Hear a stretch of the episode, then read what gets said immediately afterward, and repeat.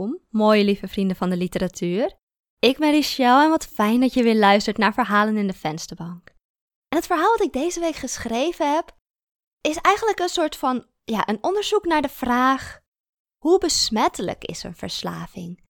En ja, we weten allemaal, een verslaving wordt niet veroorzaakt door een bacterie of een virus of een ziektekiem die je aan elkaar kan overdragen en waar je besmet mee kan raken, maar toch lijken verslavingen wel besmettelijk te zijn. En hoe werkt dat dan en hoe zit dat mechanisme in elkaar? Het verhaal gaat over een koppel, een man en een vrouw. En die vrouw mist haar man. Hij is, hij is onbereikbaar, hij is ontoegankelijk. En ze is er dan achter gekomen dat wanneer hij alcohol op heeft, dat hij ineens wat meer open gaat staan voor haar. En ze probeert dat moment van verbinding ja, zo lang mogelijk vast te houden. Ik wens jullie heel veel plezier met het verhaal. Nog één. Als je dit verhaal mooi vond, kom dan nog even langs in de comments om het ons te laten weten. U gaat luisteren naar het verhaal Nog één. Geschreven en voorgelezen door Richelle en Edens. De vlammen likten aan het houtblok. Van onder begon het als zwart te schroeien, maar ik betwijfelde of het echt in de fik stond. De houtblokken in de vuurkorf verschoven en er viel wat as door de kiertjes op de grond. Verderop in de tuin stond het vingerhoedskruid te wuiven. Een verdwaalde bij die nog niet naar bed was, kroop uit een van de kelkjes en vloog weg. Naast me zat mijn man op zijn tuinstoel. Ook hij staarde in het vuur. Ik weet niet of hij iets zag. Mijn arm bungelde over de leuning van de tuinstoel. Hij keek, begreep wat ik bedoelde en pakte mijn hand. Zo zaten we daar, hand in hand. Voor het eerst in een jaar was er weer iets. Zijn vingers klemden stevig rond de mijne. Niet alsof hij me een plezier deed, niet alsof hij me een handje gaf om maar van mijn gezeur af te zijn, maar hij klampte zich aan me vast, alsof hij mij nodig had. Ik drukte zijn knokkels kort tegen mijn lippen. Ik houd van je, zei ik. Hij knikte. Ik mis je, zei ik daarna. Hij zuchtte en ik was bang dat ik het verpest had, dat hij nu weer terug zou kruipen in het verre en het onbereikbare. Ik perste mijn lippen opeen en keek naar de vlammen. Met een lange stok pookte ik wat in het vuur. Er hoefde nog geen volgend houtblok op. Normaal zou mijn man dat zeggen, maar vandaag hield hij zijn mond. Ik ging weer op mijn stoel zitten en staarde omhoog naar de wolken die grijs en log rond de maan hingen, en ik hoopte dat het droog zou blijven. Tussen de schutting en de appelboom hingen de vlaggetjes die inmiddels beschimmeld waren. Een tuinfeest hadden we gegeven voor zijn dertigste verjaardag. Nog voor we aan het opruimen konden beginnen, kwam het bericht. Opruimen is er daarna nooit meer van gekomen. Vandaag wordt hij 31. De vlaggetjes wapperen zachtjes in de avondbries. Ik kocht nieuwe vlaggetjes die ik binnen ophing. Samen met ons dochtertje blies ik ballonnen op en we versierden de stoel waarop hij doorgaans ontbeet.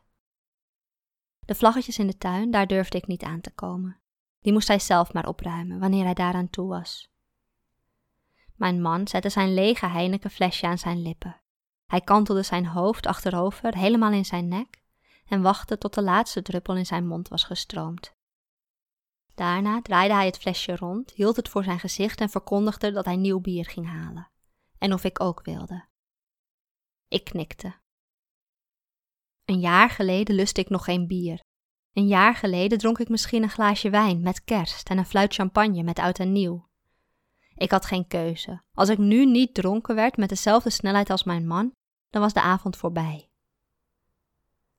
Hij kwam terug en duwde een blik Schultenbrouw in mijn vingers. Het was lauw. Blijkbaar was de Heineken op en stond dit nog ergens in de voorraadkast. Ik zei niets. Ik zei dankje, duwde met mijn duimnagel het lipje omhoog en nam een slok. Hij reikte naar mijn vingers en even later zaten we weer hand in hand naar het vuur te kijken. Ik weet het, zei hij uit het niets. Het spijt me. Er liep een rilling over mijn rug van het bittere bier en de scherpe alcohol. Het is goed, zei ik. Iedereen rouwt op zijn eigen manier. Neem zoveel tijd als je nodig hebt. Ik snap dat vandaag ook. Shh, zei hij, laten we het er niet over hebben. Ik zweeg en staarde naar het schepje waarmee onze dochter in de zandbak had gespeeld. Er kroop nu een spinnetje overheen. Vroeger zou ik hebben gezegd dat ze haar eigen troep moest opruimen. Maar met die verjaardagsvlaggetjes die wij ook al een jaar niet opruimden, voelde dat hypocriet. Ik liet mijn slippers aan mijn tenen bungelen en een moment later trok ik ze uit. Mijn blote tenen stak ik uit naar de vuurkorf. Mijn man keek toe. Voelt grappig, zei ik. Oh ja? Hij trok zijn eigen schoenen uit en daarna zijn eigen sokken. Ook hij strekte zijn benen richting het vuur. Ja, zei hij, het lijkt te kietelen. We hadden dezelfde ervaring op hetzelfde moment en we raakten elkaar daarbij aan. Mijn duim wreef zachtjes over de rug van zijn hand. Hij kneep niet in mijn vingers en hij streelde niet terug, maar het feit dat hij het toeliet leek al een stap vooruit. Ik nam meer slokken uit het blik bier en verborg de rilling die over mijn rug liep.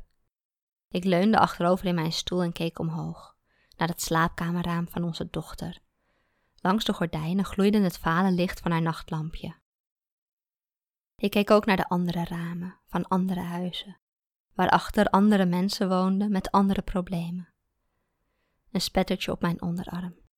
Ik keek naar de lucht, naar de wolken die slechts af en toe door een kiertje de avondster lieten zien.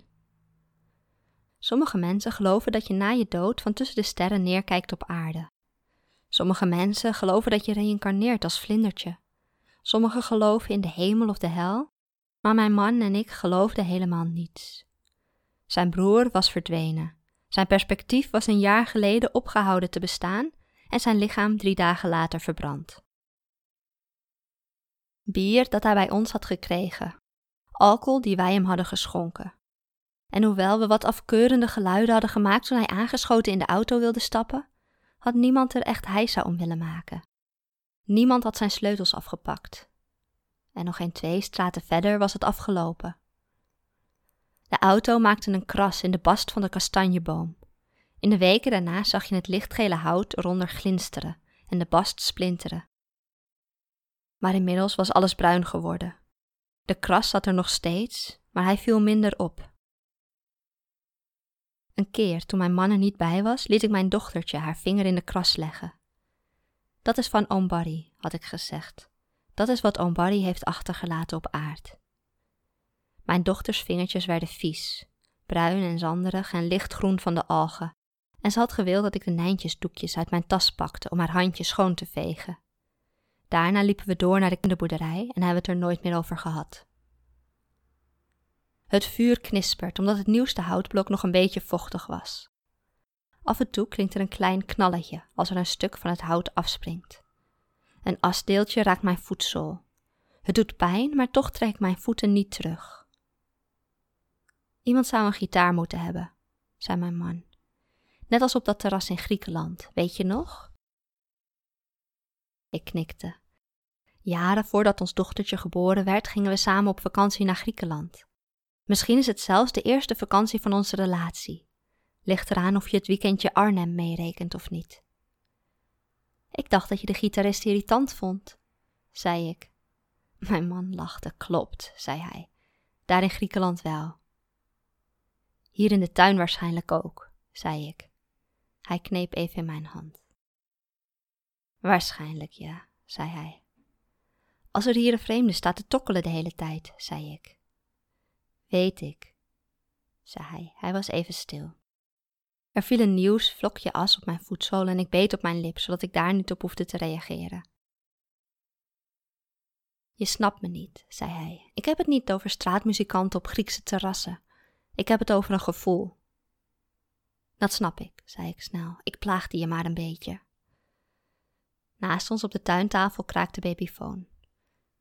We keken naar het witte plastic en het groene flikkerende ledlampje dat aangaf dat er geluid was in de slaapkamer van onze dochter. Gewoon een hoest, zei mijn man. Ja, zei ik. Langs de gevel keek ik omhoog naar haar raam. In het kozijn stond de houten beer die ze samen met mijn vader heeft gezaagd en geschilderd. Mijn vader deed het zagen, zij deed het schilderen. De babyfoon was alweer stil. Mijn man en ik knikten naar elkaar. Het was inderdaad gewoon een hoest of een snurk, of misschien dat er tijdens het omrollen een pop uit haar bed viel. Auw, zei mijn man. Hij trok zijn voeten terug en veegde met zijn hand zijn voetzolen af. Dat voelde als toestemming om ook mijn benen weer in te trekken. Stiekem en snel veegde ik de asdeeltjes van mijn voeten. Twee kleine blaadjes zaten er op de voetzool, maar die negeerde ik. Ik boog me over de voet van mijn man en ik bood aan om de calendula salve op het plekje te smeren. Een moment later lagen zijn benen bij mij op schoot. Eerst verzorgde ik het brandblaadje en daarna vergrootte ik mijn strelingen, tot ik onderhand zijn hele voet masseerde. Dat is fijn, zei hij. Het spettert. Ik schudde mijn hoofd en zei dat ik nog geen spettertje had gevoeld, maar net op dat moment viel er een druppel op mijn wang. Wil je nog een biertje? vroeg ik. Er is niet meer, zei hij. Er is nog port misschien, van toen je tante op bezoek kwam. Doe maar dan, zegt hij. Ik nam de hele fles mee naar buiten en ik schonk de port in onze bierglazen. Eerst een klein laagje om daarmee de restjes bier uit ons glas te spoelen en daarna een flinke scheut. Ik schonk het glas van mijn man expres extra vol, omdat ik wist dat hij niet naar binnen zou gaan als hij nog wat te drinken heeft. We staarden in het vuur terwijl het steeds harder regende en we deden allebei alsof we de regen niet voelden. U heeft geluisterd naar het verhaal Nog één. Geschreven en voorgelezen door Richelle en Edens. Hartstikke bedankt voor het luisteren naar dit verhaal. En ik ben heel benieuwd wat je van dit verhaal vindt. Dus kom langs, uh, vind me op Instagram op www.verhalenindevensterbank.nl of kom langs op YouTube en ja, praat mee. Geef je mening, vertel je eigen verhaal, want we horen graag van je. Als je dit nou een mooi verhaal vindt, geef deze podcast dan een like of 5 sterren, net wat jouw podcast-app toelaat. En vergeet niet ons te volgen, want we hebben jou er graag volgende week weer bij. Voor nu, een hele fijne avond en een hele fijne week. En ik zie jullie allemaal volgende week bij het volgende verhaal. Doei doei!